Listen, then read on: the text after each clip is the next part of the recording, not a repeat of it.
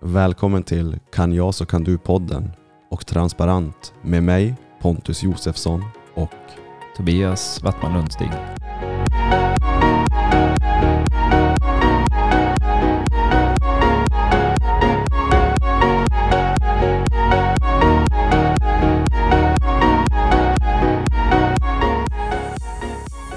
Bullshit's pace and hours. Ja, Hur, hur, får jag fråga hur det känns efter förra samt, för samtalet var ju kring dig mycket. ja. Eh, jag har faktiskt inte tänkt på det. För jag drog ju direkt till, eh, nej, jag drog inte direkt till Kiruna. Mm. Men det, det var, det tog ju mycket energi. Eller det, det blev som en urladdning att vara i Kiruna och vara, Mm. var ändå tio timmar ute över på två dagar. Ja, det är en urladdning. Det blir, det blir mycket och sen när, när de har... Jag kör som eh, tre grupper, en timme lunch och sen två grupper båda dagar. Mm. Sådär. Så, men just vårat avsnitt. Jag tyckte ju att det var... När vi väl satt och pratade, så jag tror att jag sa också att jag var inte beredd på det där. Mm. Men jag är glad att det hände. Eftersom att för mig blev det ju en annan sida att se på saken. Mm. Har du tänkt något mer på det avsnittet? Nej, inte mer än att det, det märktes att du, du hade fastnat i en viss vinkel Jo. och, och du kom ur den vinkeln. Eller du kom, du kom loss till att tänka på, på fler vinklar.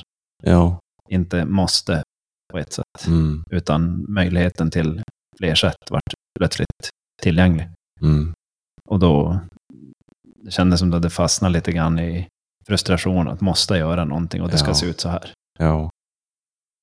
Jag känner inte den där stressen nu. Nej. Så förmodligen så har det hänt någonting. Mm.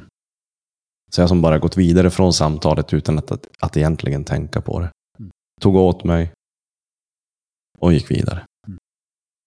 Går det bra att dricka te? Ja, du ju för fan, nu säger jag att du har målat lite. Jag har målat mina ögonfransar. Nej, På huset, Utsida. utsida. Dörrar och eh, farstukvist. Fixa till lite saker som har varit sedan förra året. Mm. Så det var väldigt, väldigt skönt att få till det. Mm. Eh, Jag tänkte fråga dig om det är okej om jag läser dagens eh, stoicistiska budskap.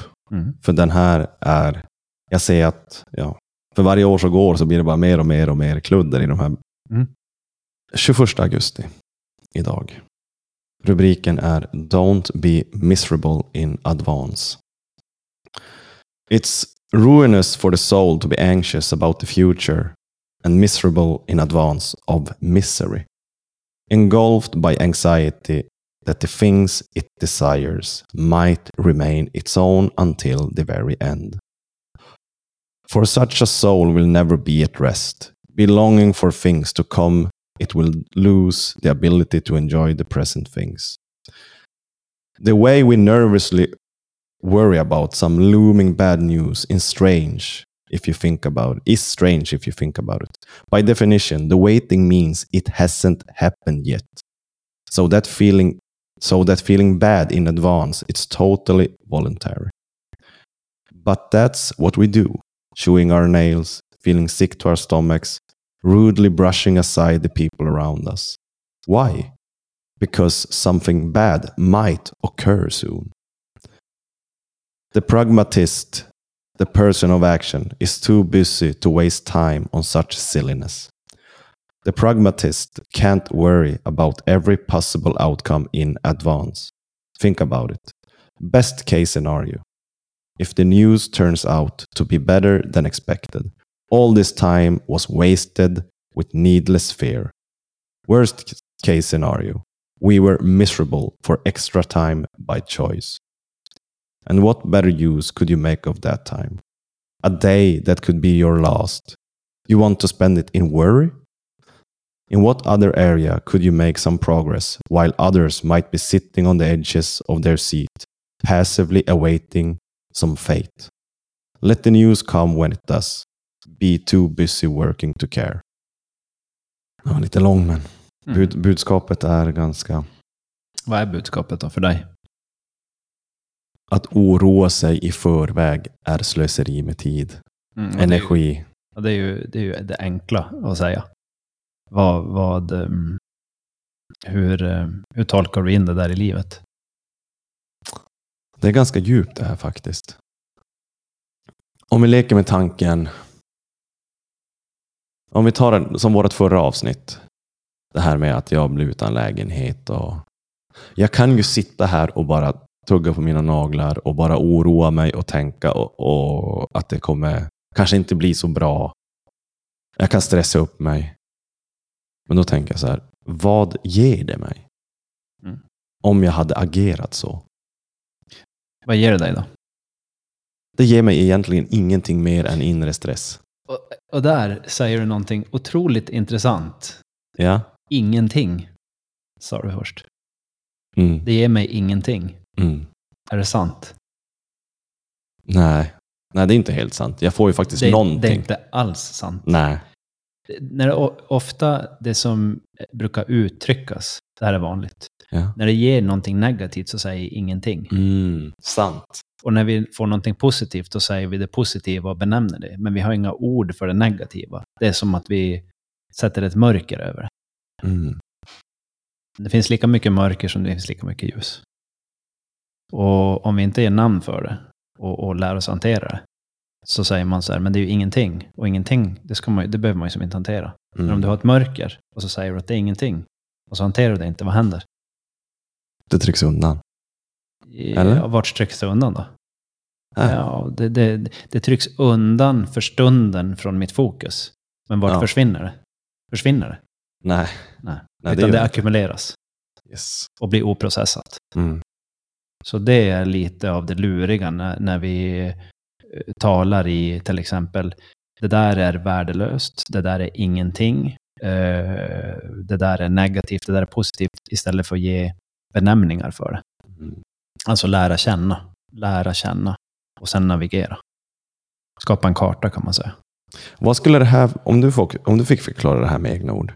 Don't be miserable in advance. Alltså don't be miserable, miserable in advance. eh, För mig så, så är det ju ett sätt att bara belysa ett område som till exempel, det är en dörr. Och så när vi knackar på den dörren så kan man säga om det står där att det, det, det den här boken försöker ju eh, frambringa upply, upplysning.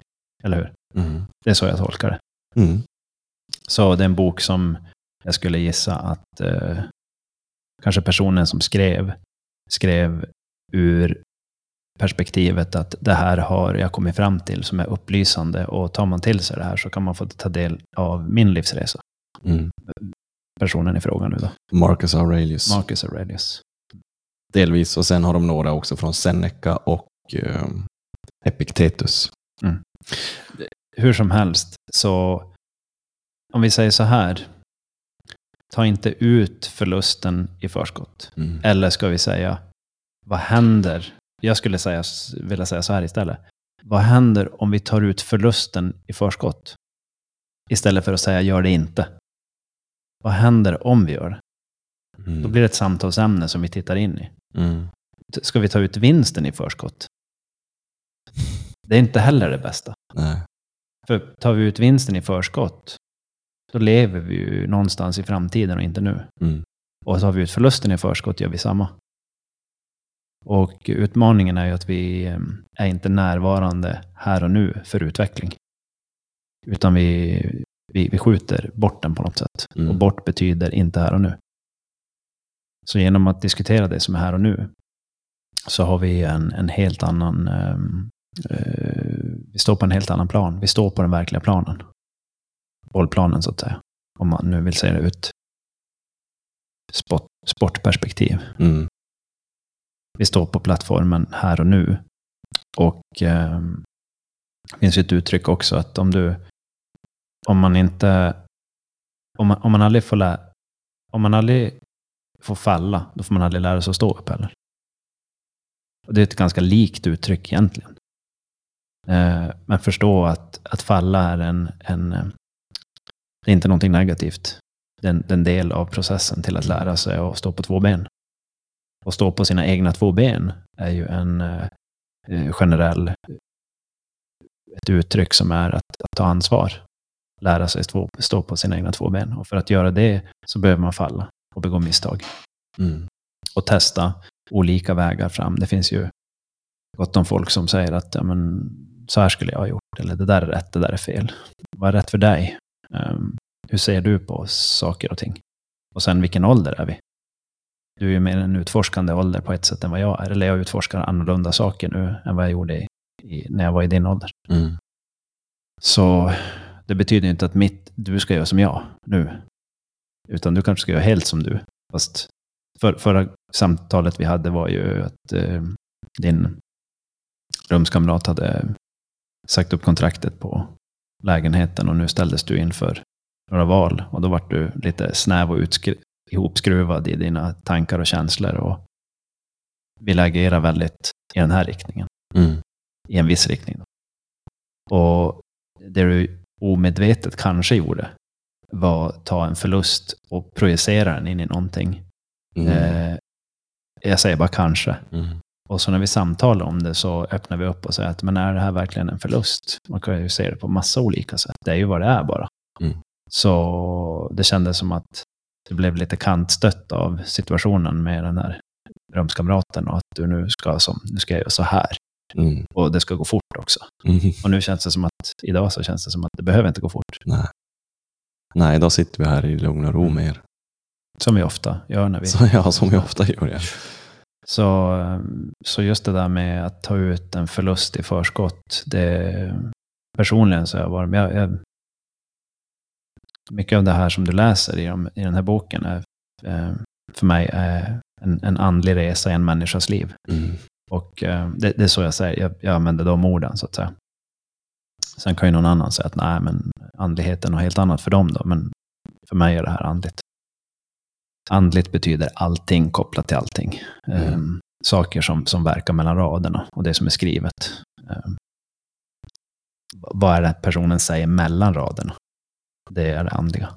Och eh, eh, jag har så många gånger sett att eh, till exempel människan har ju en eh, ett många människor har ett inbyggt behov, upplever de, av att förutspå framtiden och prata om någonting som att de vet vad som ska hända. Har du märkt det? Mm. Men vi vet ju inte riktigt vad som ska hända. Sen kan vi vara olika klok på att se processen när de sätts ihop och se att ja, med största sannolikhet, med stor sannolikhet kommer, kommer det hända någonting intressant där framme som inte jag vill vara i epicentrum av till exempel. Uh, och gör du så här och så här och så här så kommer det leda. Uh, det blir nog tufft att, att ta i det där sen. Och en del är och naiv och blåögd och tycker att nej, det här fixar jag. Så sen så blir det väldigt tufft för dem. Men de klarade inte av att se det av någon anledning. Det har väl med livserfarenhet att göra, mognad, stå på sina egna två ben och så vidare. Men eh, just det här att, att vara här och nu, att vara trygg, eller trygg, men att skapa en trygghet här och nu för att säga lugn, vi kommer dit. Och så ser vi vad som händer. Men vi gör det bästa vi kan här och nu fram till där och då. För om vi projicerar för mycket energi där, då förbereder vi oss här och nu på att det kommer att gå åt skogen. Då gör vi inte den mest optimala förberedelsen idag, minut för minut eller timme för timme eller dag för dag, vecka för vecka, månad för månad på väg dit. Så då kommer vi, då får vi som en själv, då kan vi få en, till och med en själv, vad kallar man det för? Man, man, man får en profetia som besannar sig själv. Och folk till och med vill att det ska gå illa, för jag har ju förutsett det. Så man skapar mer oro. Risken finns mm. att man skapar mer oro, eh, mer desorientering, mer konflikt, mer rädsla, mer eh, frustration, mer, tung, mer depression, mer, eh, mer mörker. På en plats där man kanske skulle vilja ha lite mer ljus.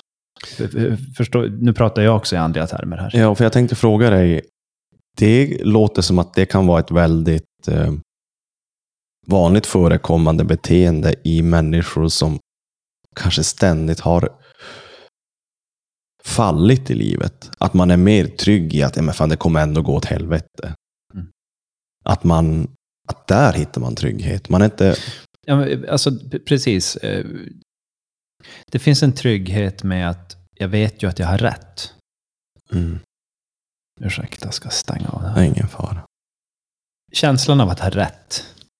Känslan av att, om vi tänker på de här en stund, så tänk och känn på den här. Känslan av att ha rätt. Känn på den. Det, det, kan vara, det kan ju kännas bra. Känslan av att ha ett fel. Inte lika bra. Känslan av att vara ovetande. Kul. Okej. Eh, vilken väljer du av dem så här, om du bara får välja? Tänk inte för mycket på det, utan vilken hade du valt så här snabbt? Min första var ovetandes. Okej, är du säker på det? Eller säger du det för att du... Men jag, får, jag fick inte tänka så djupt i det. Nej. Så då var första ovetandes. Är du säker på det? Nej. Okej. För va- van, vanligtvis, vart går den första vart går den första triggern om vi säger att vi sitter i en situation? Vill, vill, du, vill du känna dig säker eller osäker? Säker. Om du då om man då eh, spaltar upp de här olika, att ha fel, att ha rätt, att inte veta. Vilken är spontant snabbt, utan om du tänker djupare på det? Vilken tror du triggar mest trygghet de, av de orden? Att ha rätt. Och om vi då eh, har bildat en, en, skapat en bild om att jag vet ju hur det här ska bli. Då vill jag ju ha rätt. Mm. Men rätt leder inte till optimal... Det leder inte optimalt framåt. Mm. Det leder faktiskt många gånger till tvärtom. Det leder till konflikt. Det leder till samma plats där jag har varit tidigare. Mm. Alltså optimal utveckling, eh, lösning av problem till exempel. Så att för, för att lösa ett problem som har funnits en längre stund, så om jag, om jag har haft en stund, om jag har haft rätt hela vägen, då hade det löst problemet. Mm. Och den där är lite lurig att ta in. För det betyder att jag, jag behöver inte ha fel. Men att hamna i det öppna eh, landskapet mellan rätt och fel betyder ett utforskande. Mm. Och kan man vara en, skapa en trygg miljö i en utforskande, i, en trygg känsla i en utforskande miljö. Där kan det hända grejer. Mm. Och det är så fascinerande. Det betyder ju inte att man bara ska, ja, så nu skiter jag i allting och så låter jag det bara hända. No. Dit kan man gå en stund, sen går man tillbaka till att är ganska konkret. Mm. Eller ganska, man är ordentligt konkret. Sen man är mjuk och så säger man, jag vet inte riktigt i vilken riktning vi ska färdas här, men vi utforskar. Mm. Och utforskar man tillsammans, då kommer man tillsammans. Det betyder att man börjar samspela. Lite mer dynamiska. Och där kommer vi ju in på, på ett sätt nu. Det hade jag inte tänkt på att det skulle leda dit. Men precis det där med att vi vet inte, men vi möts. Det fick ju du vara med om nu på din workshop. Jajamän. Vill du att jag lyfter den nu? Ja, ta det, gå dit. För eh, det börjar ju så här, jag tar det från första början. Ja, vad, det, var, vad var det som ledde till allting det här som att du... Varför valde du också att gå dit?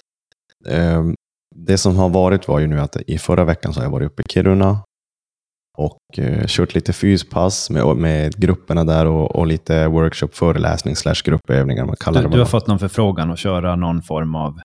Ja, men lite workshops, lite fys, lite föreläsning ville de att det skulle vara, men då sa jag att För, för vem? eh, för eh, ungdomarna på hockeyskolan I Kiruna. i Kiruna. Precis. Och då sa jag det att jo, då kan jag komma upp och föreläsa för de här åldrarna och det var ju då från ålder 9 till 16, 17. Vissa var, damlaget hade någon äldre. Och då sa jag det att, men jag vill hellre göra gruppövning. För då satt jag och tänkte på den gruppövningen du hade berättat om någon vecka tidigare. Där du hade, jag tror det var med företag du var iväg. Där du berättade att man, jag vet inte om ni använde stenar eller pinnar eller vad det var. Vi använde ved. Ved. Ni, ni körde också ved? Mm. Ja. För jag hade ju föreslagit då till eh, kontaktpersonen på hockeyskolan att jag behöver ved. Hon bara, men vad fan ska du med ved till? Mm. Vet, nu, är så här, nu, nu går jag in i hockey, hockeyvärlden och så ska vi ha lite ved på en så kallad föreläsning. Men jag sa, nej men fixa. Jag behöver ungefär 100 vedklabbar. Och, det, och jag fick det. Och då hade du berättat Tobias att i olika små grupper så får man en uppgift. Man får endast en indikation. Det är att man ska bygga ett torn på en viss tid. Då. Mm. Och det finns några enstaka regler för det här. Och det är ju tid, Tid, material, material. och så har du gruppen här, och så får de en förberedelsetid. Och så har de en byggnadstid. Men man får inte veta om det är en tävling. Nej, Det, det enda de får reda på det är att eh, ni kommer eh, i det här teamet få bygga ett torn. Mm. Och när de börjar ställa frågor så är det så här. Det är ett torn. Bygg ett torn, så får vi se vad som händer. Och ehm, så, det, så jag började de här, ehm, man kan se de här teoripassen med att för, berätta lite om mig själv, vad jag har gjort i min hockeykarriär som har varit jämfört med andra kort men väldigt intensiv och spelat med väldigt många bra spelare.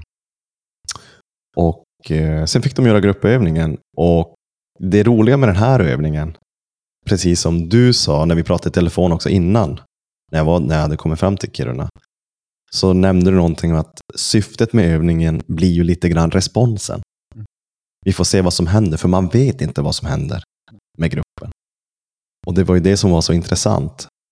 Vissa tog automatiskt på det här att det här är en tävling. Högst är bäst. Högst är bäst. Under tiden var det också några grupper som sa att, men hallå, hur ska vi bygga? Och då stod det bara och log att, ett torn. Bygg ett torn. Men hur? Hur? Mm. Och det var så påtagligt när man går in i den här prestationsbaserade hockeymiljön. Att, men hallå, vad vinner vi? Vad vinner vinnaren? Vad vin- det frågade också någon. Vad vinner vinnaren? Mm. Jag vet inte. Mm.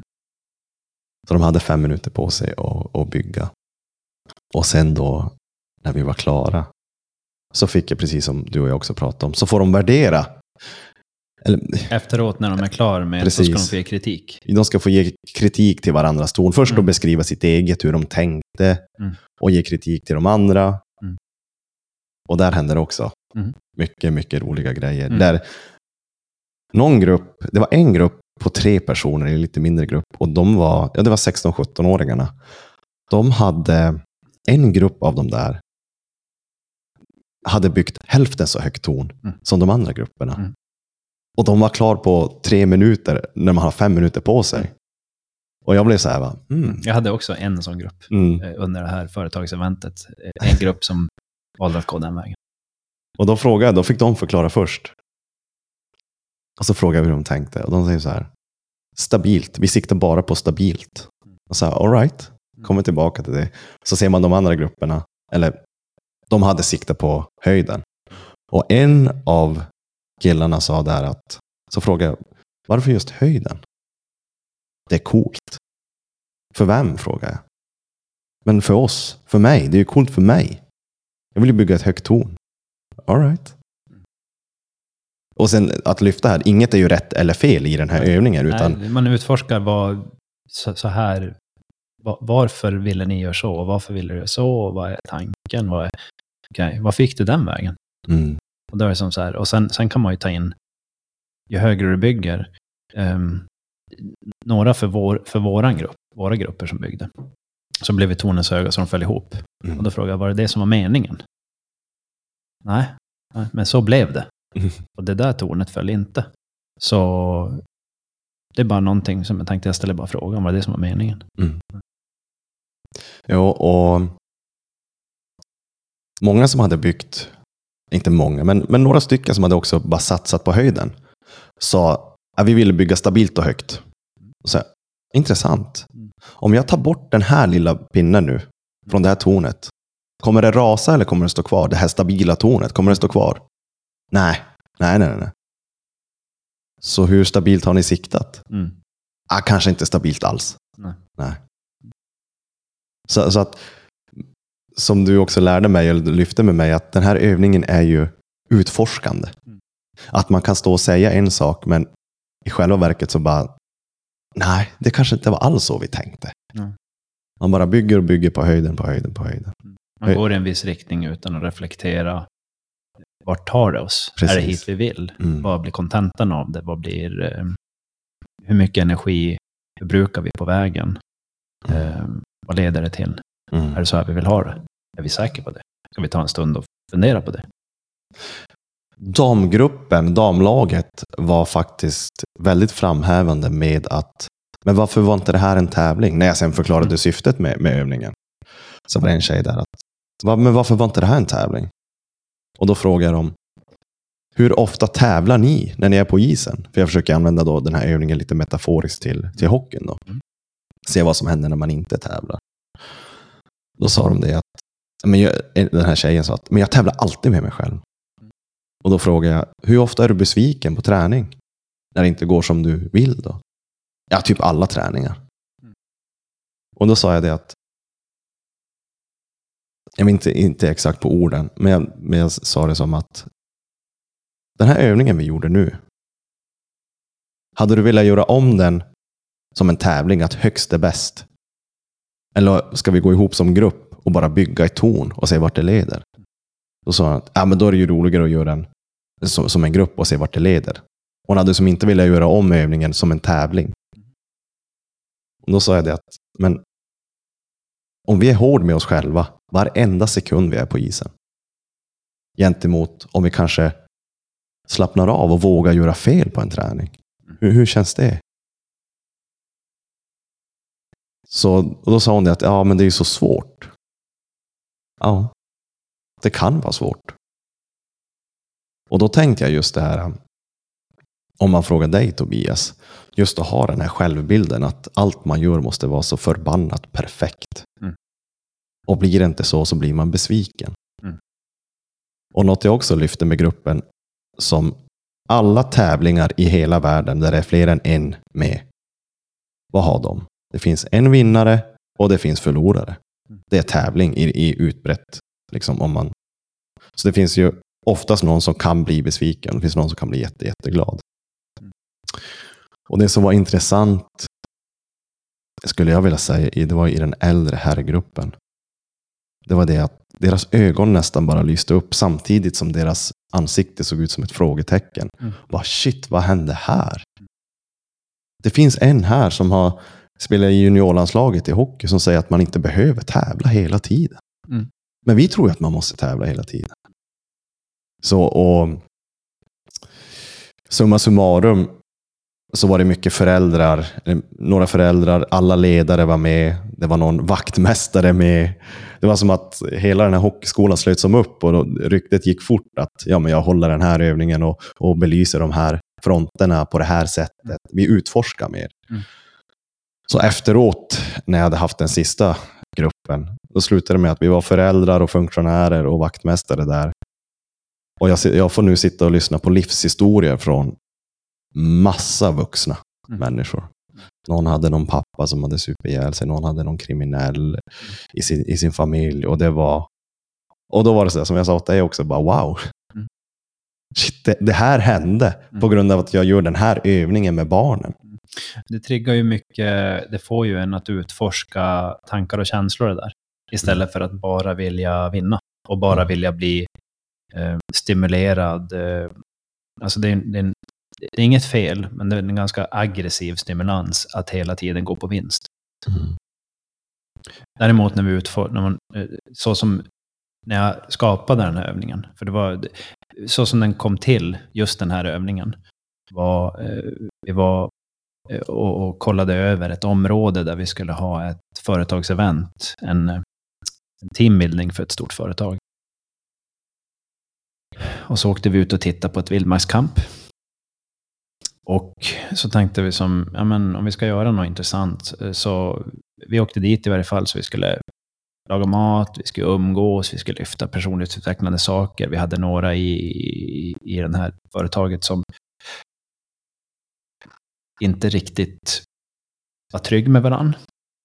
Men i förlängningen när de ska jobba med varandra så behöver de vara, ha en hög grad av trygghet med varandra för att kunna samverka. Eh, men tidigare så har de inte haft det och de har, de har som uttryckt det att det, det känns inte bra det här och det vet den där personen, den där personen, den där personen. Så, så vi, som en teambuilding, alltså som ordet är, man bygger ett team. Och då, skap, då, då döpte vi hela eventet till att skapa, att bygga ett nytt och modernt team in i framtiden. Eller för framtiden. Och att ni är med och bygger. Det är inte så att teamet ska bara, det här är parametrar och ni ska bara finna er, utan vi vill att ni är med och bygger det här. Så att man vi ville få med dem in i processerna. Var med och delta nu. Eh, och det är en utmaning i sig att få människor att vilja och våga delta. Nåväl, så när vi kom dit och tittade över på en, en vecka innan vi skulle ha det här eventet, jag och han som är chef för, om, för just den delen av företaget åkte ut. Då var en del av vad som gjorde att det blev den här övningen var att hålla på att ta med alldeles för mycket utrustning och, och göra allt, ta med allting från stan till eh, ute i vildmarken kände jag som att, men eh, jag sa så här, jag undrar vad vi ska göra för övning, vad vi ska ha för övning. Och så, här, så, så här, men jag undrar om man ska använda det som finns till hands. Typ så här, det finns skog, det finns stenar, det finns... Och så såg vi bara enorma mängder ved hade de på ett ställe. Så frågade jag, den där veden som ni har där, för den var upptravad, kan vi använda den? Och han bara, vad menar du? Ja, men kan vi använda den typ till så lekar och sånt där? Alltså vi ska inte typ göra en majbrasa av den och förstöra den, utan mer bara, kan vi använda den till att göra? Han bara, ja du, du får göra vad du vill med den. Så, så då sa jag, men, och då gav jag det som ett förslag till eh, han, som, han som är då eh, ja, men, ansvarig för företagssidan där. Att, eh, jag har en idé om att vi skulle kunna, typ, tänk dig så att vi bygger torn.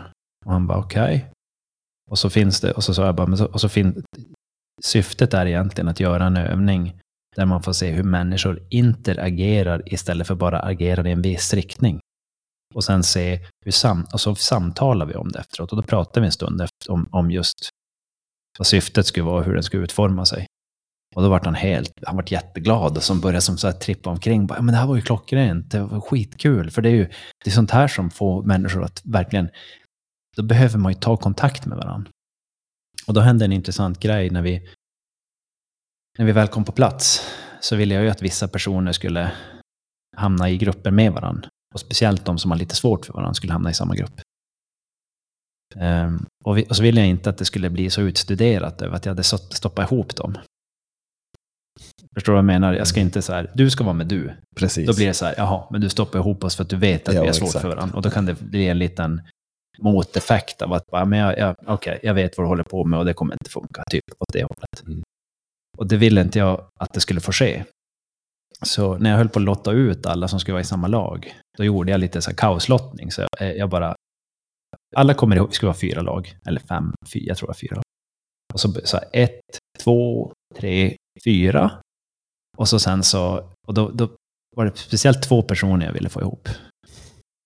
Och då var det som sådär kaosartat, så de märkte inte varför de hamnade ihop. Och då säger plötsligt eh, han som är chef, han bara, ja men nu räknar du lite omständigt faktiskt, gör så här, ett, två, tre, fyra, och så bara räknar du in. Och jag bara, ah fan, jag hade ju inte informerat honom om att jag ville ju få upp de här två personerna specifikt. Mm. Och jag bara, oh fuck, hur gör jag nu då? Så här, jag bara, eh, eh, okej. Och, och då fick jag som slå ut lite snabbt i huvudet, så här, bara, hur får jag ihop numren så att den och den personen passar med varann? Och så lyckades jag på något sätt få ihop det igen då. Så att eh, det viktiga var att den här kvinnan och den där mannen ska vara med varann. Och så sen senare på kvällen så säger en av andra killarna i företaget så sa han så här, du, eh, var det, hade du, får jag fråga, hade du planerat att den och den personen skulle vara med varandra när du räknade så där? Och så här, ja. Jo, jo, men jag hade som tagit in i det beräkningen. Och då, då, då, då, sa, då sa han det till chefen att bara, men ibland så tror man att man ska göra någonting enkelt, men så ligger någon annan steget före. Så att, att låta någon göra sin grej också. Mm. Men därav kom det här, vad heter det, kom, kom den här övningen fram, just att det fanns naturligt med ved där. Så det, hade inte veden funnits där så hade jag kanske aldrig sett övningen så att säga. Då hade vi gjort någonting annat. Men den varit väldigt uppskattad. Och vi hade ju också ett lag. Och det var det enda laget med en kvinna i. Som, eh, för det finns bara en kvinna just på den här arbetsplatsen i den här gruppen. Och det laget byggde också ett väldigt litet torn med väldigt få klabbar. De var färdiga på under en minut tror jag. Och de fick väldigt mycket kritik för att de inte gasade järnet och använde all tid. Och jag tyckte det var otroligt modigt och intressant att de valde just att gå den enklare vägen. Enklare betyder ju inte sämre. Mm. Enklare betyder bara mindre förbrukat material, mindre förbrukad energi. Så när de fick presentera så sa de så. Ja, vi tänker så här. I ett produktionsperspektiv, lätt att bygga, få delar, hållbart, stabilt, det tål en storm, lätt att plocka ner, lätt att sätta upp. Allting de presenterade var så här, jag köper det. Men de andra ville som kritisera sönder dem lite grann. Och, och, eller många ville det till en början. Och eh, gärna framhäva just den här höjden som, som eh, det är dit man ska gå. Det är som Mm. det som, men det, det jag tror egentligen det man säger är att det är vanligt att det är dit man har tittat och så gasar man bara efter sitt vanemönster.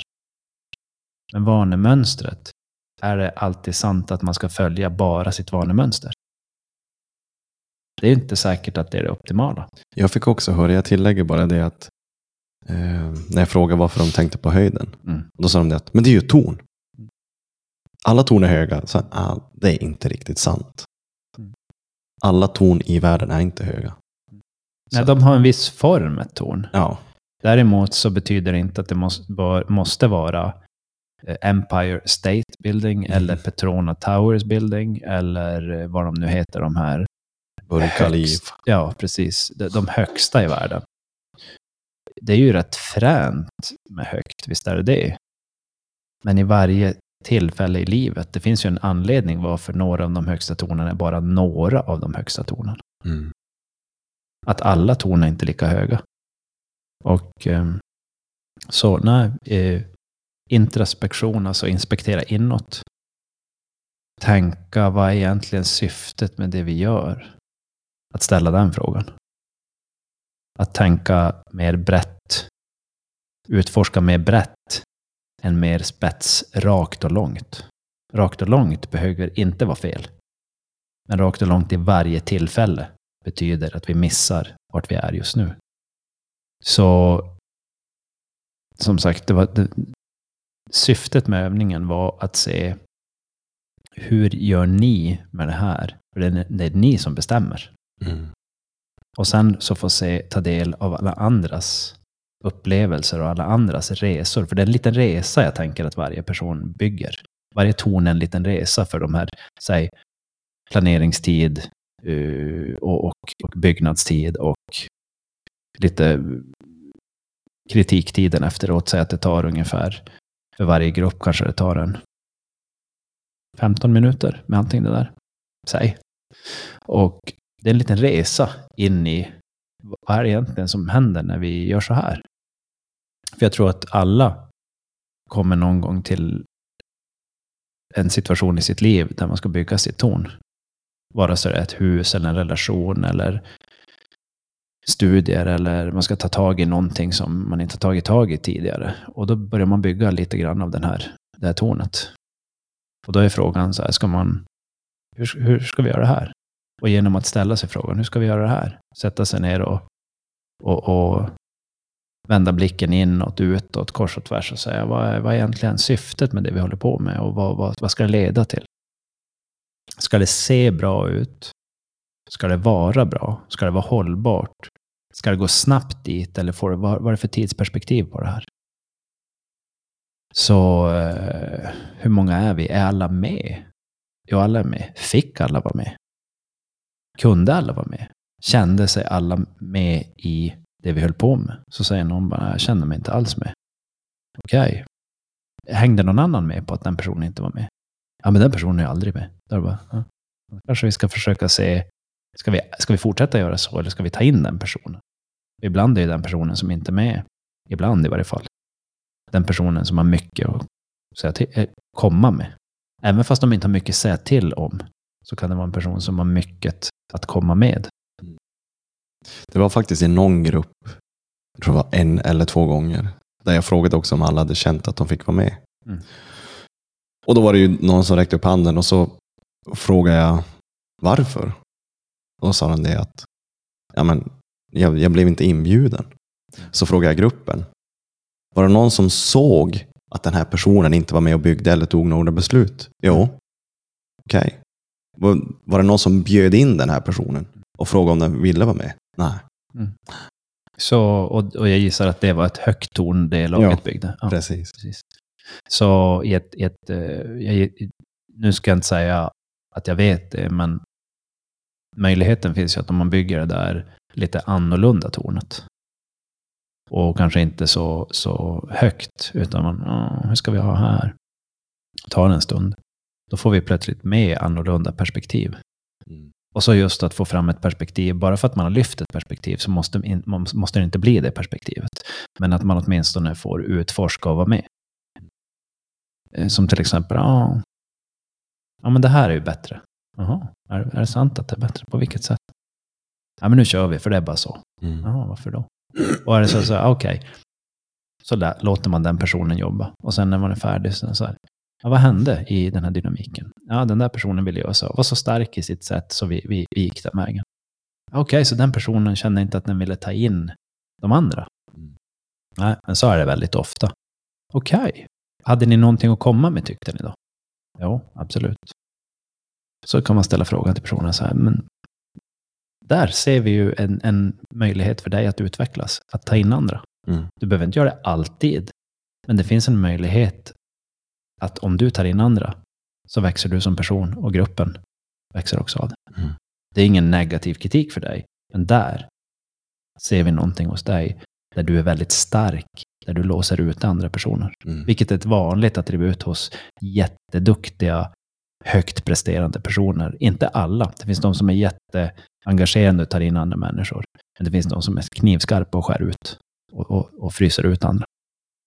Så det finns alla möjliga. Mm.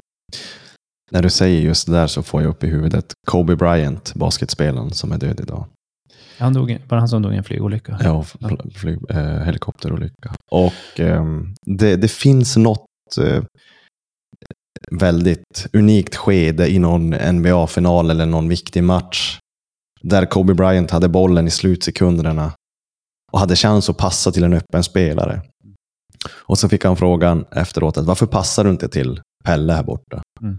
Och då sa han det att eh, jag vet att han tränar mindre än mig, han vill det här mindre än mig. Så jag skulle bara, jag, jag hade lagt upp för misslyckande om jag hade passat bollen. Jag vet vad jag kan. Mm. Sa Kobe Bryant. Mm. Och det blir också sådär som du sa också, högt presterande, högt uppsatta personer blir lite grann att det är jag, det är jag som ska fixa det här. Kan bli så. Det, jag tror inte att alla är så, men det, det, är, inte, det är ganska vanligt förekommande. Eh, i, I vissa högt siktande tävlingsmiljöer. Mm. Eh, och är det en person som vill stanna upp en stund och säga så här, men lu- lugn nu så kollar vi på det här. Ta ett par andetag där som sen, "Nej, men kom igen, för fan, det har vi inte tid med. Så mm. Okej, så bara den som tar det lite lugnare är ju inte mindre högt siktande. Mm. Bara mindre aggressivt högt siktande. Mm. Så jag är inte lågt siktande. Men jag däremot vill inte aggressivt bara klättra högst och högst och högst. Jag är, inte- jag är inte intresserad av den typen av hög. Jag är intresserad av en hållbar hög. Så, så resonerar jag. Men du känns också som, som en sån. Och det tror jag att många som lyssnar också på dig. Och du framhäver ju ganska många gånger och väldigt pedagogiskt hur du tänker också det här att men vad händer om vi saktar ner lite grann? Och jag tror också att du har sagt att du vill inte vara kändast i världen. Du vill inte vara rikast i världen. Du, du vet inte egentligen vad du hade fått ut av, av, av att vara just det. Jag- Jag vet dock vad jag får ut av det som jag inte vill ha. Mm. Och just det där att vara en superkändis. Jag vill inte ha folk som känner igen mig överallt och typ, vi leker med tanken en Madonna. Nu är Madonna en kvinna då, men eh, Avicii, eh, Zlatan, Mm. eh, Kobe Bryant. Jag är inte intresserad av den typen av berömmelse, för den typen av berömmelse är Människor ser upp till en så man får inte vara i fred. Mm. Zlatan är väl en av dem, för- mig i varje fall, jag tittar ju inte ens på fotboll. Jag, jag tror, jag, nu ska jag skämta lite grann, jag tror att en fotboll är rund. Men eh, jag tittar ju inte på sport mycket alls. Utan jag utövar vissa grejer. Men däremot som just Zlatan, att eh, ex, eh, exceptionell idrottare. Väldigt stark psykiskt, eh, åt ett visst håll då. Eh, rätt speciell människa säkert. Säkert otroligt intressant. Eh, men en krigare ska jag säga. Så känd som han är på det sättet. När jag var i Indonesien ett år så kom jag... Eh, jag fick punktering på min motorcykel, eller på en sån här Vespa. Och jag, jag tyckte själv jag var mitt i ingenstans. Verkligen mitt i ingenstans i någon by. De pratade knappt engelska. Och det var, jag hittade ett ställe som kunde reparera en punktering som jag hade fått. Och så när vi håller på att eh, bara försöka prata, jag kan lite bahasa, och det är indonesiska då. Och så frågar han så här, eh, bara, vart kommer du ifrån? Eh, så bara, Swedia. Swedia, oh. så bara, mm, eh. och jag bara, och så ser jag som att han har fotbolls, eh, lite tröjor och lite så här. Och så ser han Sverigeflagga lite så här. Jag bara, Swedia. Så här. Och han bara, ah, Zlatan Ibrahimovic! och jag bara, ja, Zlatan Ibrahimovic. Han bara, åh, vart helt lycklig och lagade det där däcket. Och han var, alltså då är det så här, jag var, alltså jag är mitt i ingenstans i Indonesien. Och så bara, Zlatan Ibrahimovic. Jag bara, ja, jo, han har ju som, så kände han. Mm. Det är stort. Fruktansvärt Ja. känd. Och då, me- mega känd. Mm. Så känd, Elon Musk känd. Mm. Inte intressant. Nej. Jag vet inte riktigt om de har siktat på att bli så känd egentligen. De har ju bara klättrat och klättrat och klättrat på en stege och blivit duktigare och duktigare och duktigare. Så syns de mer och mer och mer och mer. Eh, Min, upp, min, min tro är att det där är inte helt lätt. Mm. Det gör någonting med en. Och jag vill inte hamna i det. Alls. Jag, jag, det jag skulle säga att det till och med skrämmer mig. Joe Rogan brukar nämna att när man till exempel är ute och äter med familjen, Mm. att vissa har inte vett, utan man kommer fram till bordet. Hey, can I have a picture? Can I have a precis. picture? Att man, att man måste dras med det. Ja, just den här anonymiteten. Mm. För Joe Rogan är ett bra exempel också. Superkändis. Mm. Anonymiteten finns inte längre. Den existerar inte, för du har nu nått ut längre och nått alla som du kan, som du kan nå. Mm. Eh, möjligtvis kan nå. Och det, det, det, händer, det händer någonting då. Så just den här anonymiteten med att inte vara så känd, den är nog faktiskt, det är någonting som vi kanske ska se som en rikedom att ha. Mm. Jag kan åka upp till min stuga och gömma mig när som helst. Jag har inte paparazzi-fotografer som följer mig och hoppas att jag aldrig får det. Mm. Så just den här extrema kravet som en del har, eller önskan att bli superkänd, det är inte säkert det leder till det bästa. Det är inte alla som klarar av att vara superkänd. Alltså det psykiska och emotionella trycket av det. Mm. Det tror jag är svårt. Det är utmanande att hantera på ett hälsosamt sätt. Mm. Prinsessa Diana blev jagad Mm. tills, hon, tills bilen kraschade. Och eh, fotograferna vill som fota personen i varje vinkel, i varje situation, levande, död, hela tiden. Det, det, jag tror att det är en stor del av det där, en ren mardröm. Men man pratar som inte ut om det, så därför då får, man, då får man just det etablissemanget emot sig, för de är stark. Alltså det, det, det kan bli ett krig, och, och många är starkare än färre. Hänger du med på vad jag tänker? Mm. Verkligen. Så nej, superkändis är ingenting jag siktar på. Däremot att göra gott och att få lev, leva gott på det jag gör och, och det attraherar mig. Men du har ju också reflekterat över, det som, vad det är du gör och syftet med det. Liksom, och Ja, en del i varje fall. mm, en del. Mm. Mycket kvar, eller? Det är ju oklart, men nu är det mycket klart. Mm. Nu, nu är det mycket kvar. Där. Mm. Vad var du för sökande person när du var 30-årsåldern som mig? Jag tog med den här tanken från i början när vi Mm. pratade. Ja, vad var jag? Um, vart var jag nu? Jag är 30. Jag fyllde, jag fyllde 30 år när vi var på väg till ett ställe i Australien med våran hemmabygg, eller egenbyggda campingbuss. Så väckte Sandra mig med en Walmart-köpt mudcake Mm. med ett ljus i. Och då var vi på väg på, i syd, sö, södra Australien på väg till en, ett ställe som heter Cactus. Som är eh, ja, väldigt mitt i ingenstans och har otroligt bra vågor. mycket haj och rätt läskiga människor också. Supertrevliga människor, några av dem, men otroligt... Det är som i vilda västern. Och det var en magisk plats på både högt och lågt. Så där var jag då och då utforskade. Då, var vi, då, var vi, då hade vi tagit ett sabbatsår bara för att vara borta och resa. Och det var just efter jag hade brutit nacken och var, höll på, Mm. hade rehabiliterat mig. Så då tog vi ett, ett år och bara vilade. Hade du företaget då? Hur gammal var du när du startade det? Det är, jag är inne på snart tionde året. Jag är 45, så 35 då. Mm. 34, 36, ja där kring. Jag vet inte. Tid smälter som ihop för mig lite grann. Hade du bestämt dig när du var 30 att det här ska du göra i Nej. livet?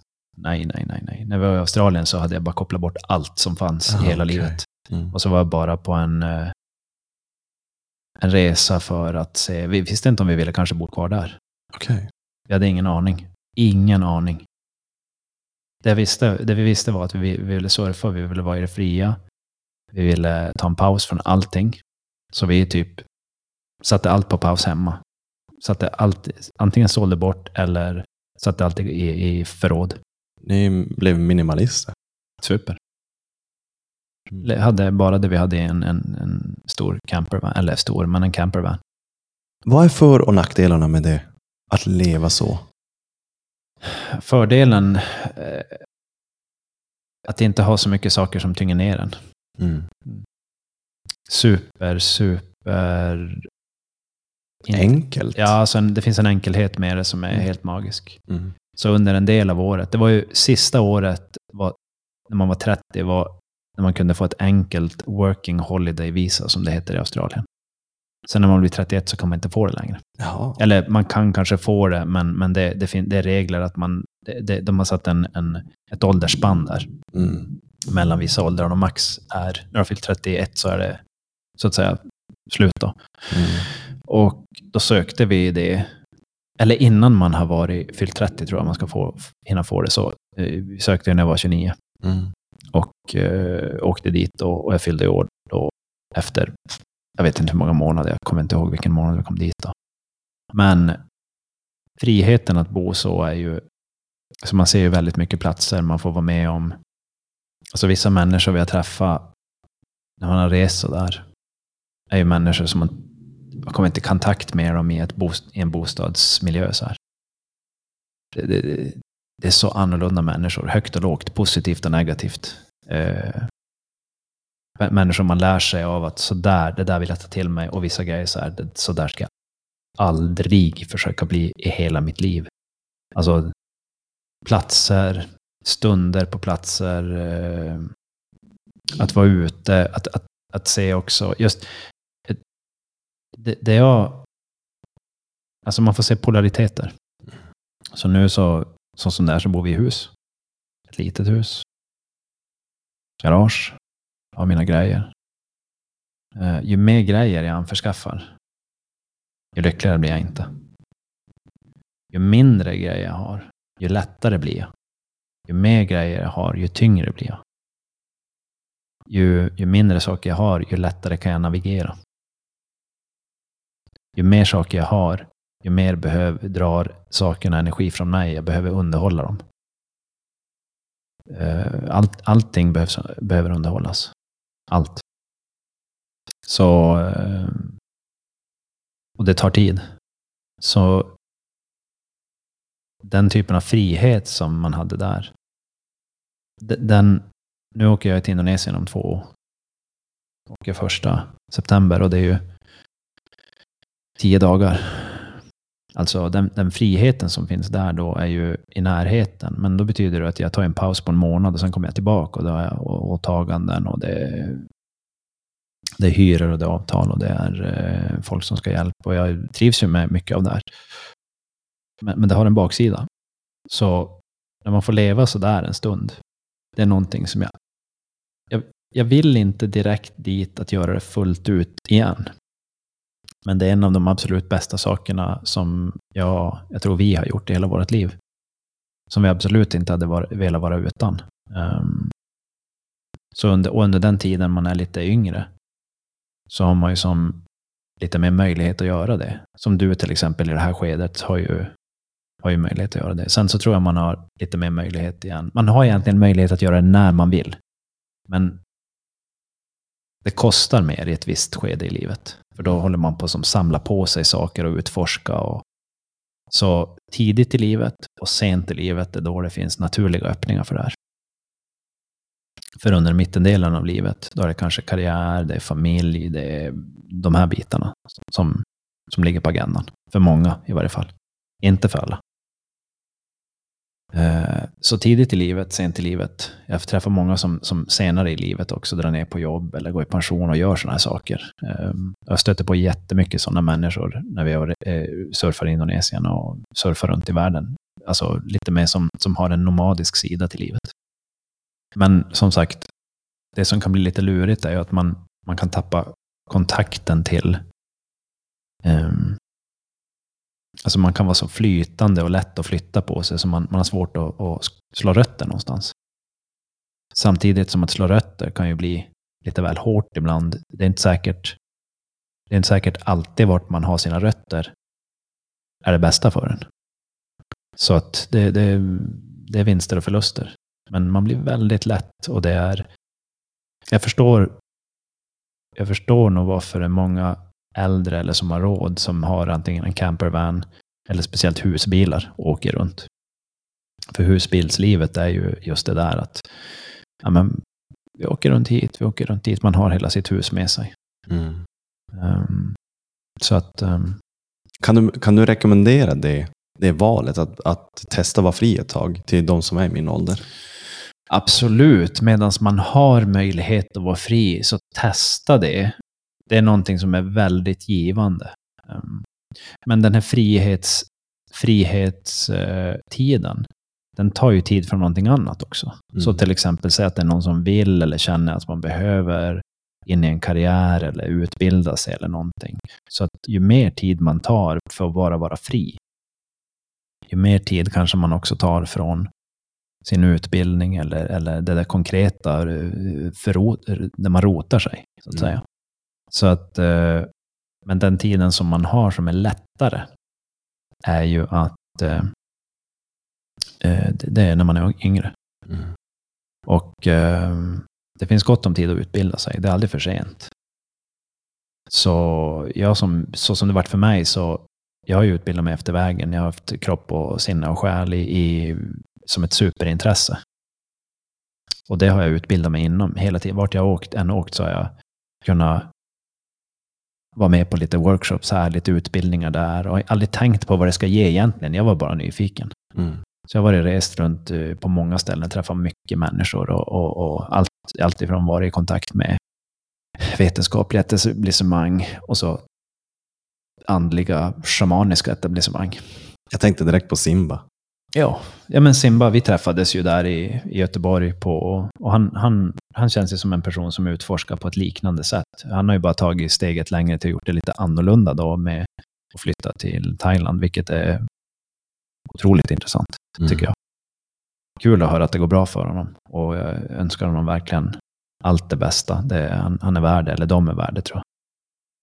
Så um, det är modigt, det är modigt av dem. Jag upplever att de försöker göra det på ett moget sätt också.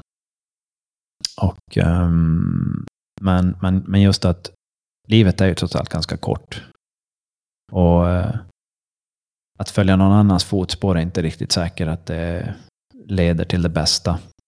Men att just kontemplera de här sakerna, att fundera lite igenom dem. Och, och, och, men att resa lite grann, eller att vara lite fri en stund, det behöver inte vara negativt. Det har inte varit negativt för mig. Det jag gillar med att resa är ju just eh, att man får träffa så pass, man får se så pass stora skillnader på kulturer och människor, hur man bemöter varandra och hur man kan hjälpas åt i olika, olika lägen. Som senast nu när jag var i Portugal så stod jag och väntade på tåget efter vi hade varit på stranden.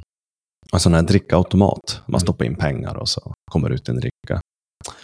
Då var det en tjej som körde in och så började hon banka. Ja, fan, det verkar inte som att det kom ut en dricka. Då var det någon som såg det på stationen. Så till slut stod de tre där och försökte hjälpa varandra. Och stod och banka. till slut stod de sex personer och stod och pratade och portugiser är väldigt så här, äh, hur kallar man när, när de pratar högt och gestikulerar jättemycket? Extrovert. Extroverta.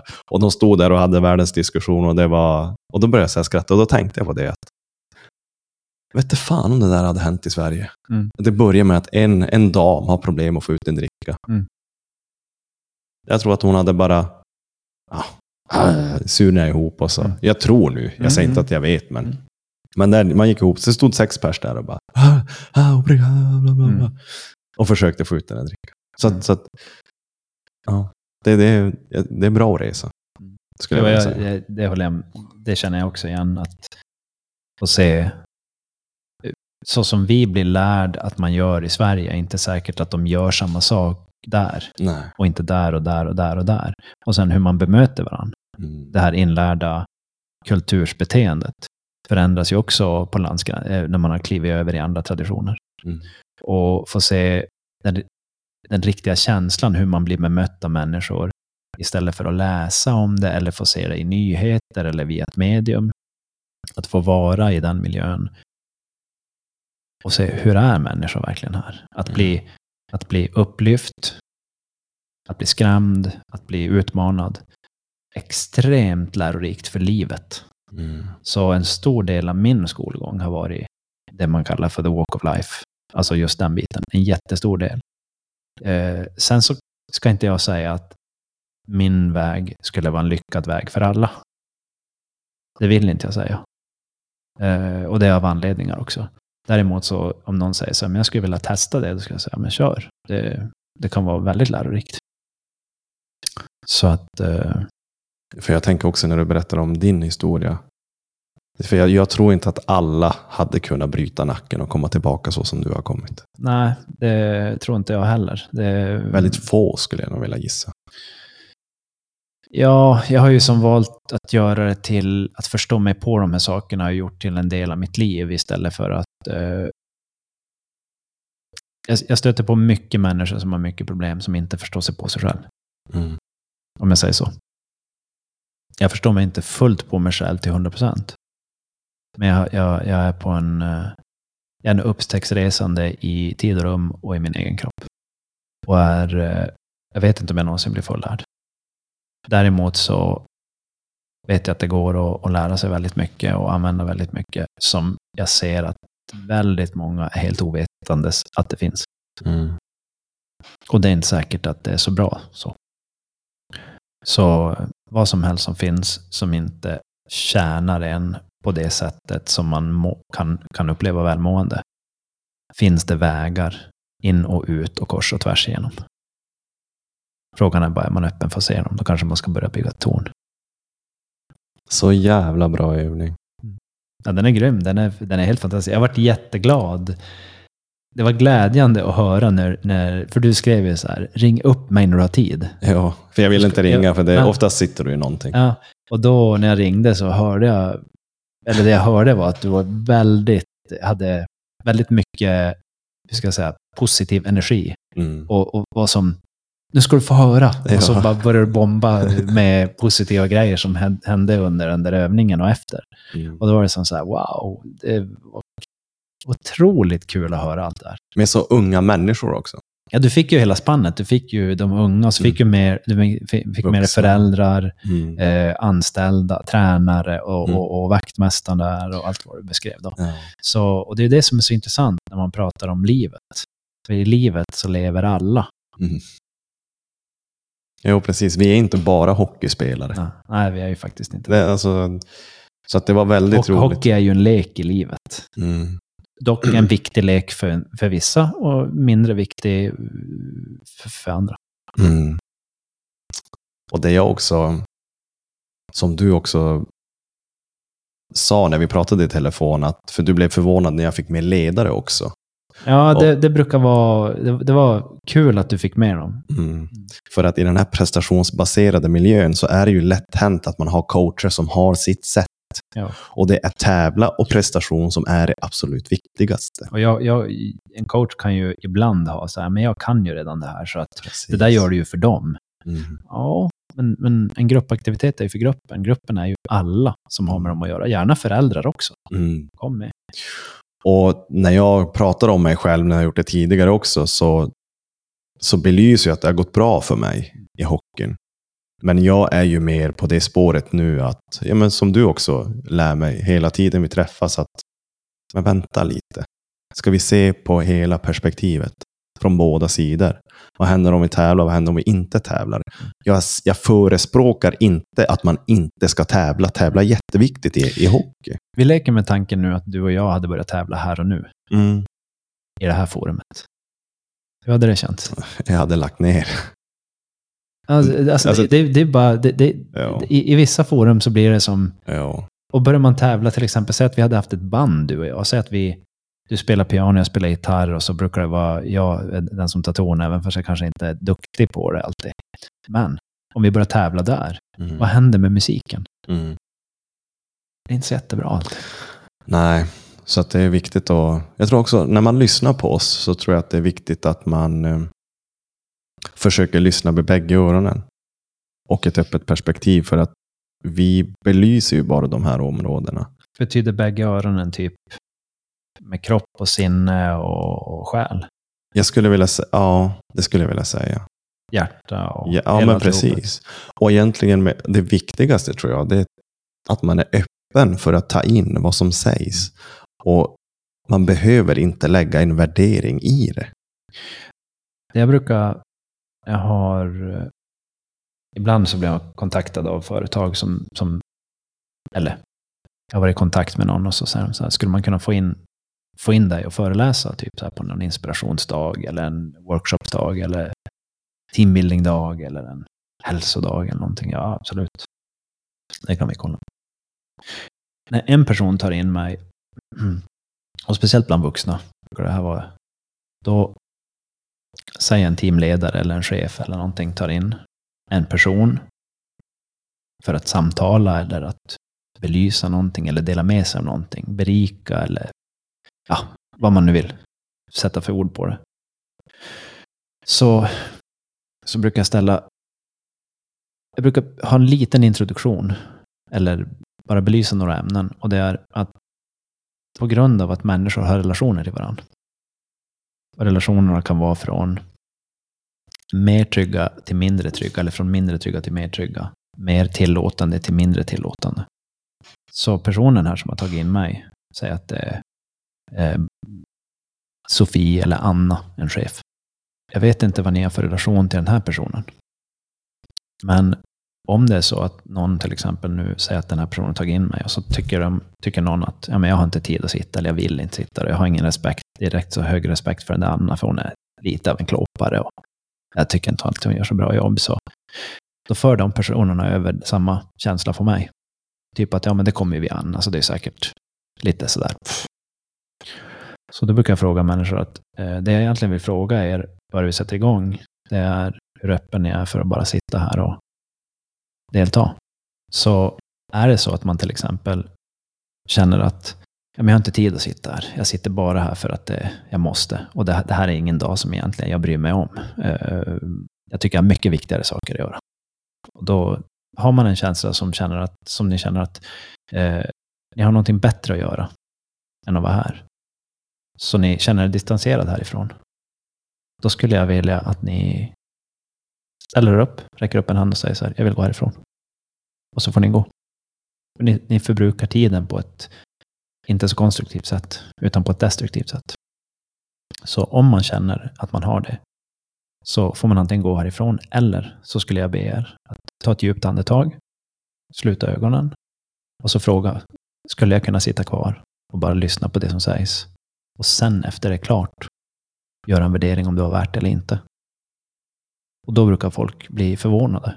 Och så brukar det varje gång komma fram någon efteråt och säga att du ställde de där frågorna och jag hade inte ens tänkt på det. Mm. Men när du ställde frågorna så började jag tänka på det. Och faktiskt så var det precis som du sa. Jag ville inte sitta här. Jag, jag var emot det här till och med. Och jag tyckte till och med inte om det. Jag vet inte riktigt varför. Men jag tyckte det här var riktigt intressant. Och då är det så här, men jag vill, jag vill bara upplysa om att det här existerar i oss. För det som händer att vi tag, det- som vi började, som du läste upp med den här eh, påståendet här i början, eller förlusten var redan uttagen. Mm. Det här kommer redan bli skit. Det, det, jag är helt inställd på att det här är ingenting för mig. Hur vet du det? Du behöver inte säga att det här är skitbra.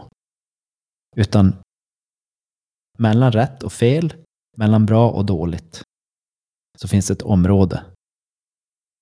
Jag vill att folk är där när vi pratar. Om vi kan mötas där, då händer det intressanta grejer. Och det du beskrev när du gjorde övningen med de här ungdomarna och det här laget, att du hittade, ni, ni navigerade och befann er i det området. Mm. Och det är ett levande område där folk får se att det finns möjligheter. Mm. Det är fränt. Det, det tycker jag är otroligt intressant att hamna där. Så då hamnar man som, vad är det egentligen som händer här? Om någon säger så här, nej men vadå, säg du.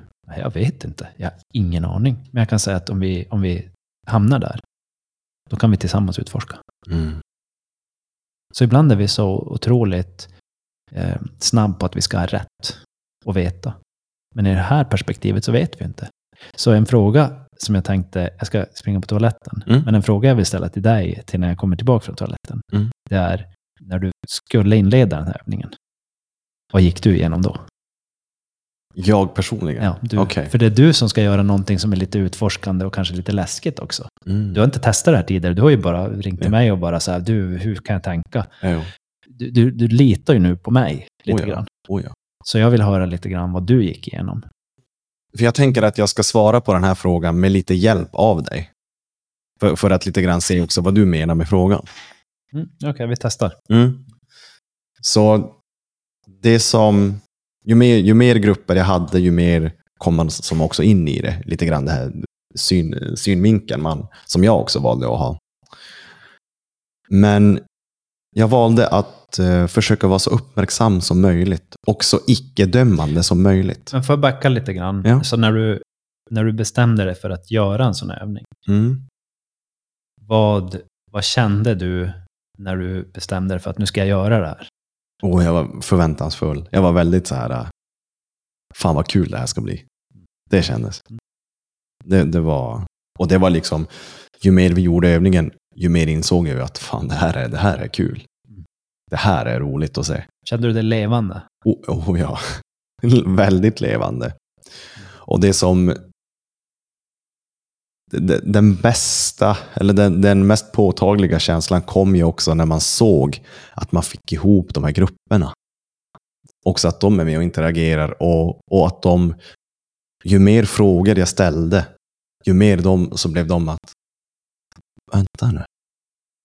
Typ som jag kunde sitta förra avsnittet vi hade där jag bara, ah, man kan ju tänka så. Mm. Och, och att se det Mm. i dem. här- Se, se det hända. Precis, och då blir man så här bara. Mm. Bra, nu är vi någonstans. Nu, nu, är vi på, nu är vi någonstans på väg. Jag tycker det var, eh, min upplevelse att det var modigt av dig att bara gå in i den där övningen på det där sättet. Eh, Men det, är ju, det, det tyder ju på att du har något form av förtroende till vi, det vi gör. Oh ja. Jo, absolut, jag har, som jag sagt tidigare, jag skulle kunna lita på dig med, med nästan allt jag har. Mhm. Men, men, men jag har ju också en väldigt hög tro på mig själv. Mm. Jag är inte så här, för jag, jag tog det här med min, min familj också innan, så här, dagen innan så lyfte jag vad jag skulle göra och så här. Och de är ju lite så här, jag tror jag också har berättat i podden någon gång att eh, jag, ja, jag, blev, jag fick eh, lämna huset i tre dagar när jag frågade varför det var lök i köttfärsen och sånt där. Bla, bla, bla. Så vi har ju som en speciell relation och kanske Mm. inte kan diskutera allt. Och när jag lyfte det med dem, då kände jag så här att ja, ja, ja ni, ni får tycka det ni vill om den här övningen. Men får jag fråga, vad, vad kom fram då? Då var det ju först det här. Men alla kommer ju tänka att högt är bäst. Så ja, då får de ju tänka det. Det är ju ett torn. Du ska du inte säga något annat. Be dem bygga typ ett objekt bara. Jag bara, ja, men varför det? Ja, men alla kommer ju bara bygga likadant. Det är ingen idé. Se vad intressant. Mm. Det är ju, det är ju, det, det är ju, den personen uttrycker ju sin tro. Mm, Sin upplevelse att så här kommer framtiden bli. precis. Det är ju, det är ju någonting intressant med det. Mm. Men du, du ser inte samma sak.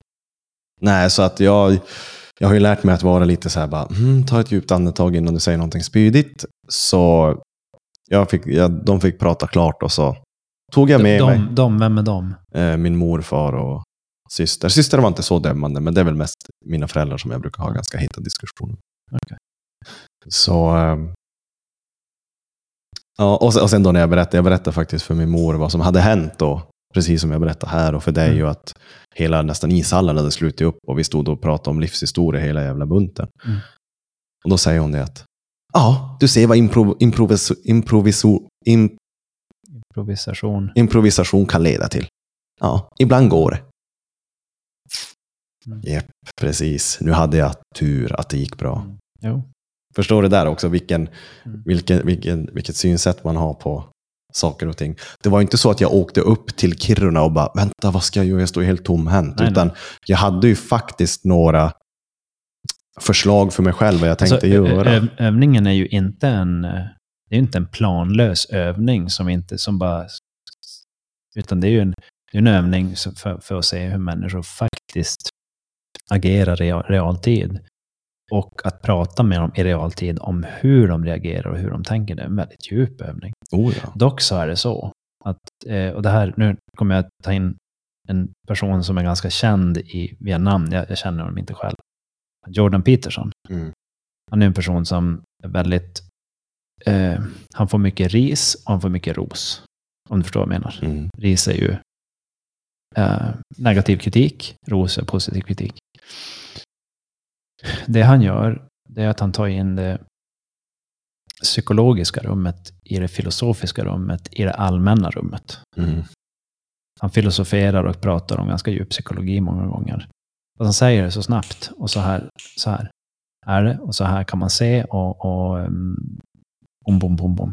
Och, och det som jag har tänkt på när jag tittar på honom, det är att de, de flesta som kanske lyssnar på det här har inte gått igenom de processerna själv och då är det väldigt lätt att säga, nej men det där är, så är det inte. Mm. Men det betyder inte...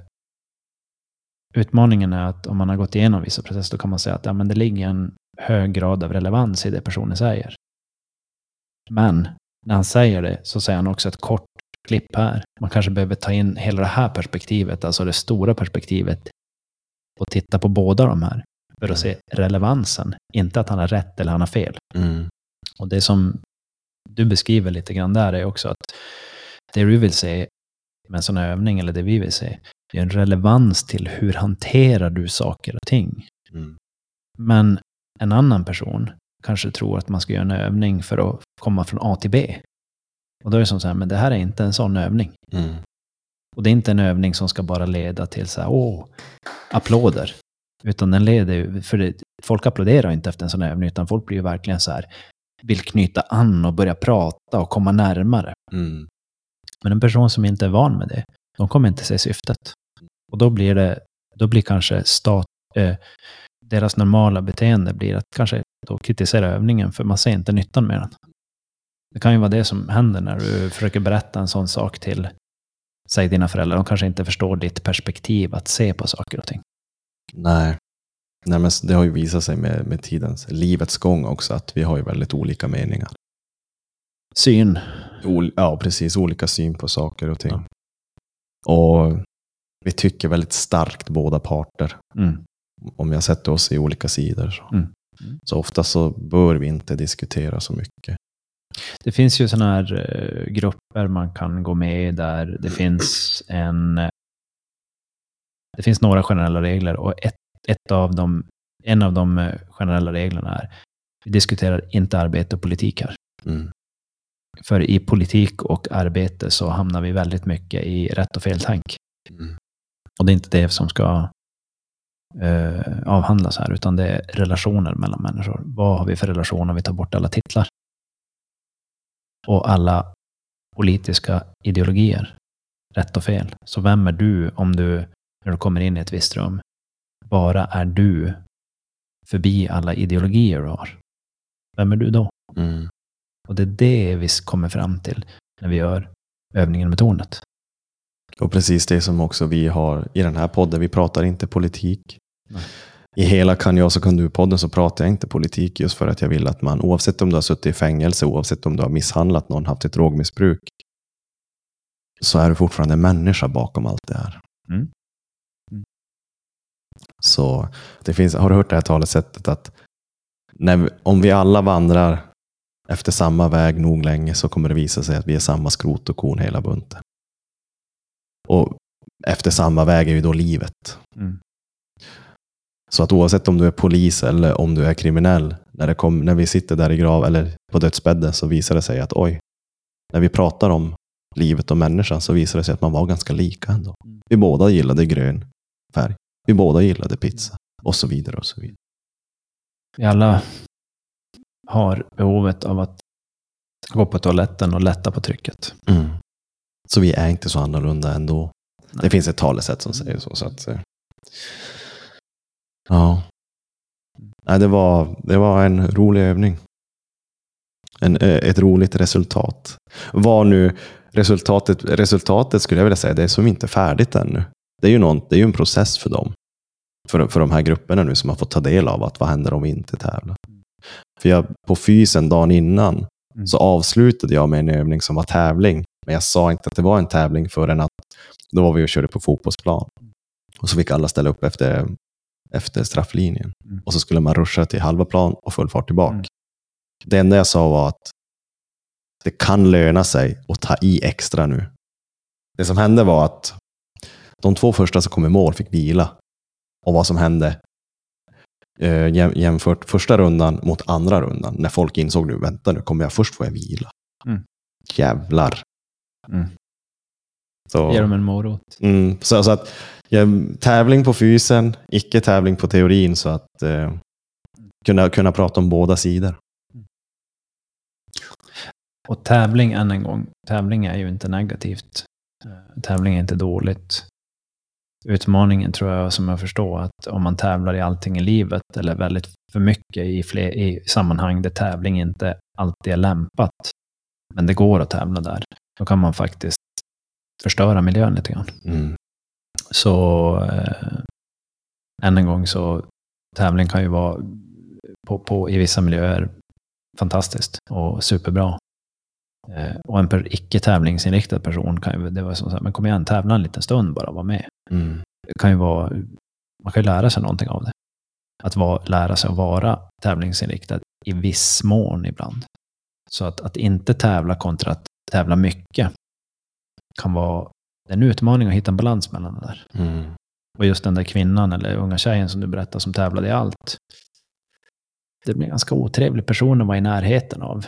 Eh, om, om, om man ska plötsligt göra någonting och söker någon form av harmoni och, och knyta an till varandra. Och så ska personen hela tiden visa att de är bäst. Då är det som så här, men ta det lugnt. Mm. Det här behövs inte nu. Mm. Så personen kommer skjuta bort vissa människor från sig omedveten.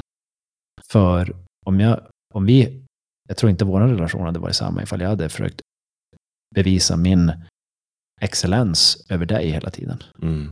Det hade ju också gjort att jag vill ta av. Jag vill ju inte vara med någon som försöker stå över mig hela Nej. tiden. Det är ju inget trevligt. Nej. Samtidigt som om vi skulle göra någon viss typ av övning någon gång, kanske man ska se hur långt kan vi gå bara. Precis. Och då är det som säger, men då lyfte du eller du sprang mer än mig eller någonting. Och så, men toppen. Mm.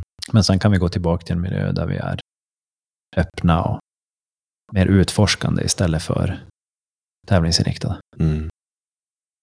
Jag tror att hade vi sprungit, hade vi fått en tävling du och jag, spring tills det inte går längre. Jag, jag, jag kan inte se dig vinna över mig. Jag skojar. Nej men det, det där, jag, jag tror du skulle kunna säga det utan att behöva känna att du på något sätt trycker ner mig psykologiskt. Jag, jag är helt övertygad om att du skulle springa längre än mig.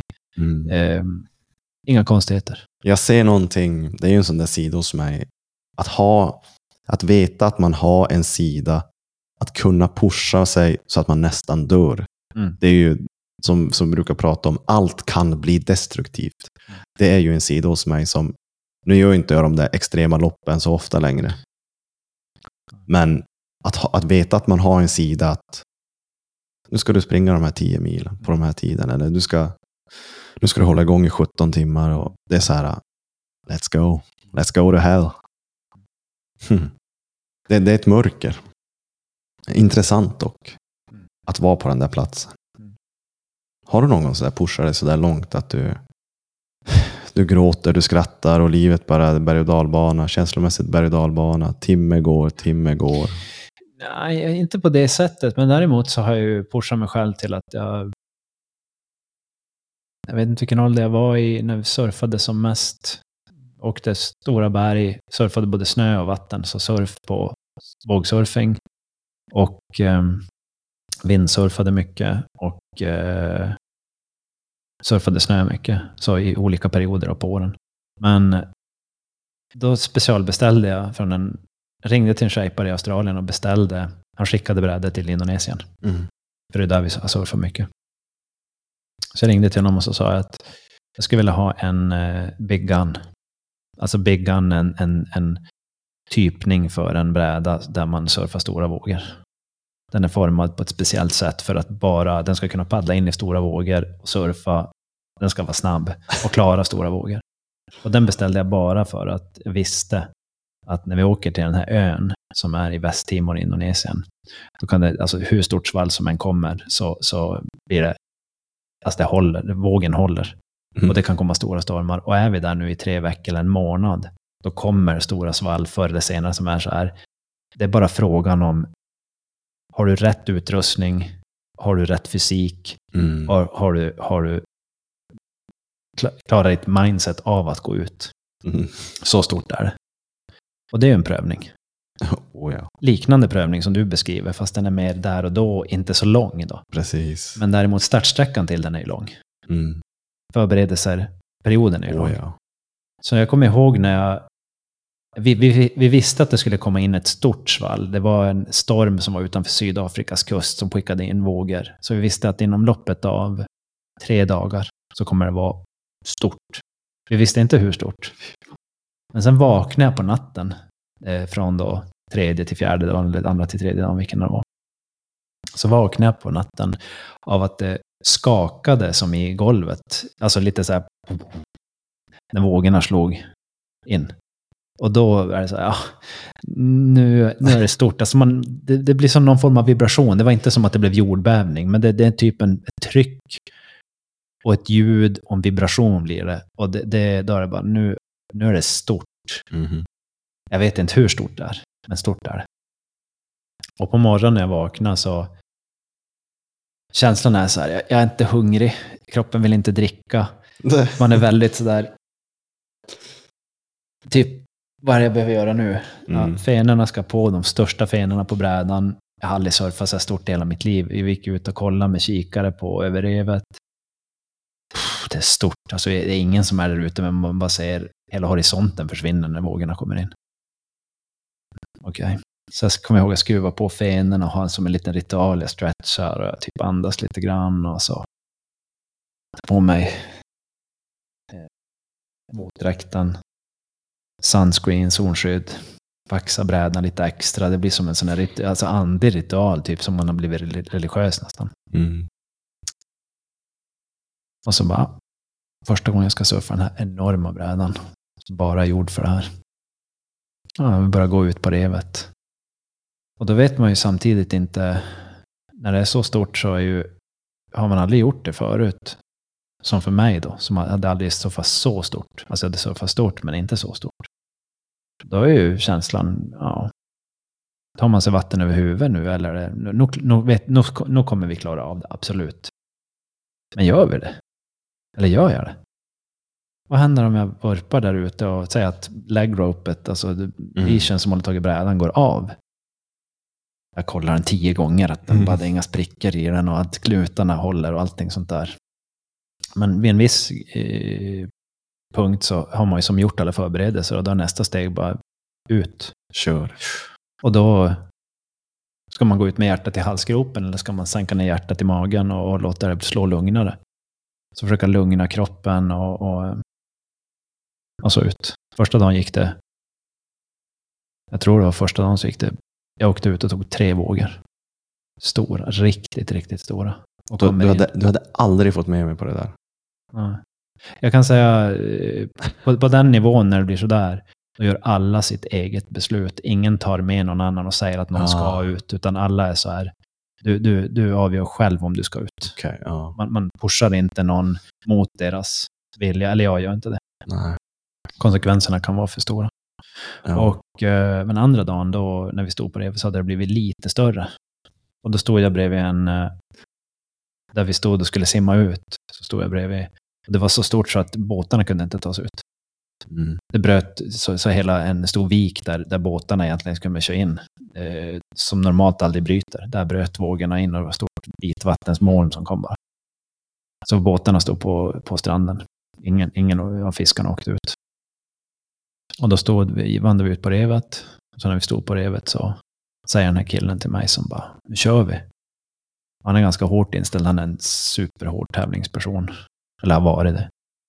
Och eh, han har hållit på mycket med hockey tidigare också. Och så sa jag åt honom så här, sträckte ut handen och så sa jag så här, hoppas vi ses efteråt. Och han bara, lägg av, säg inte sådär. Och sen så, nej men det är så jag vill ha approachen till det här. Jag vill ha en mjukare approach. Ja. Och eh, då, jag vet inte om jag berättade, men då fick vi en, en stor våg stängde igen rakt framför oss när vi var en bra bit ut. Och då tänkte jag att det här är sista gången som jag ser solljuset. Mm. Jag tror jag berättade om det tidigare. Mm.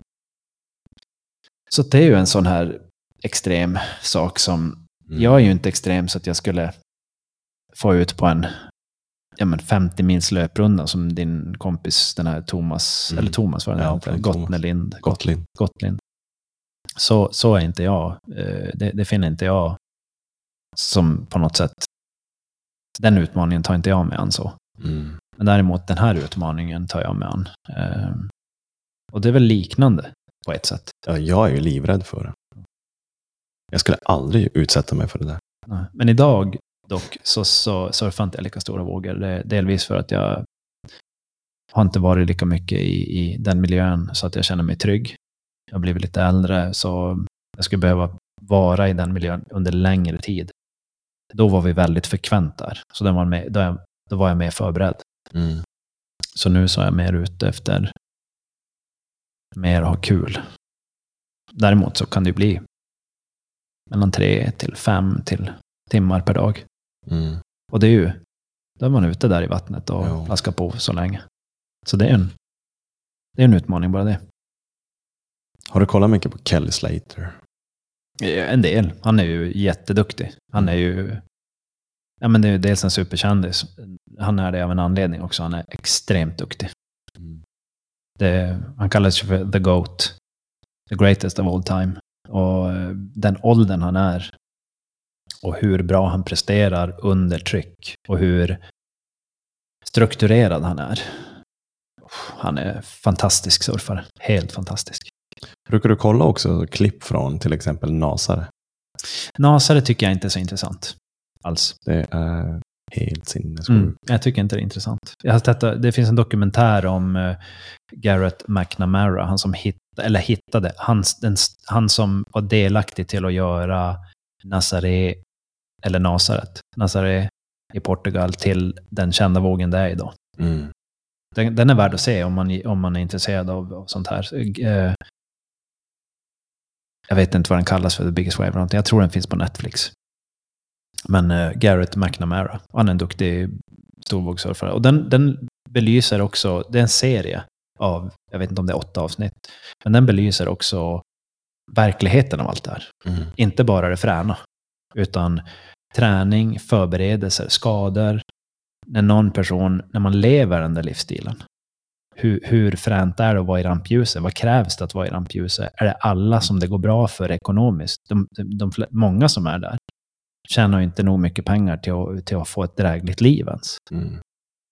Så... eh, Och det krävs väldigt mycket att vara i den miljön.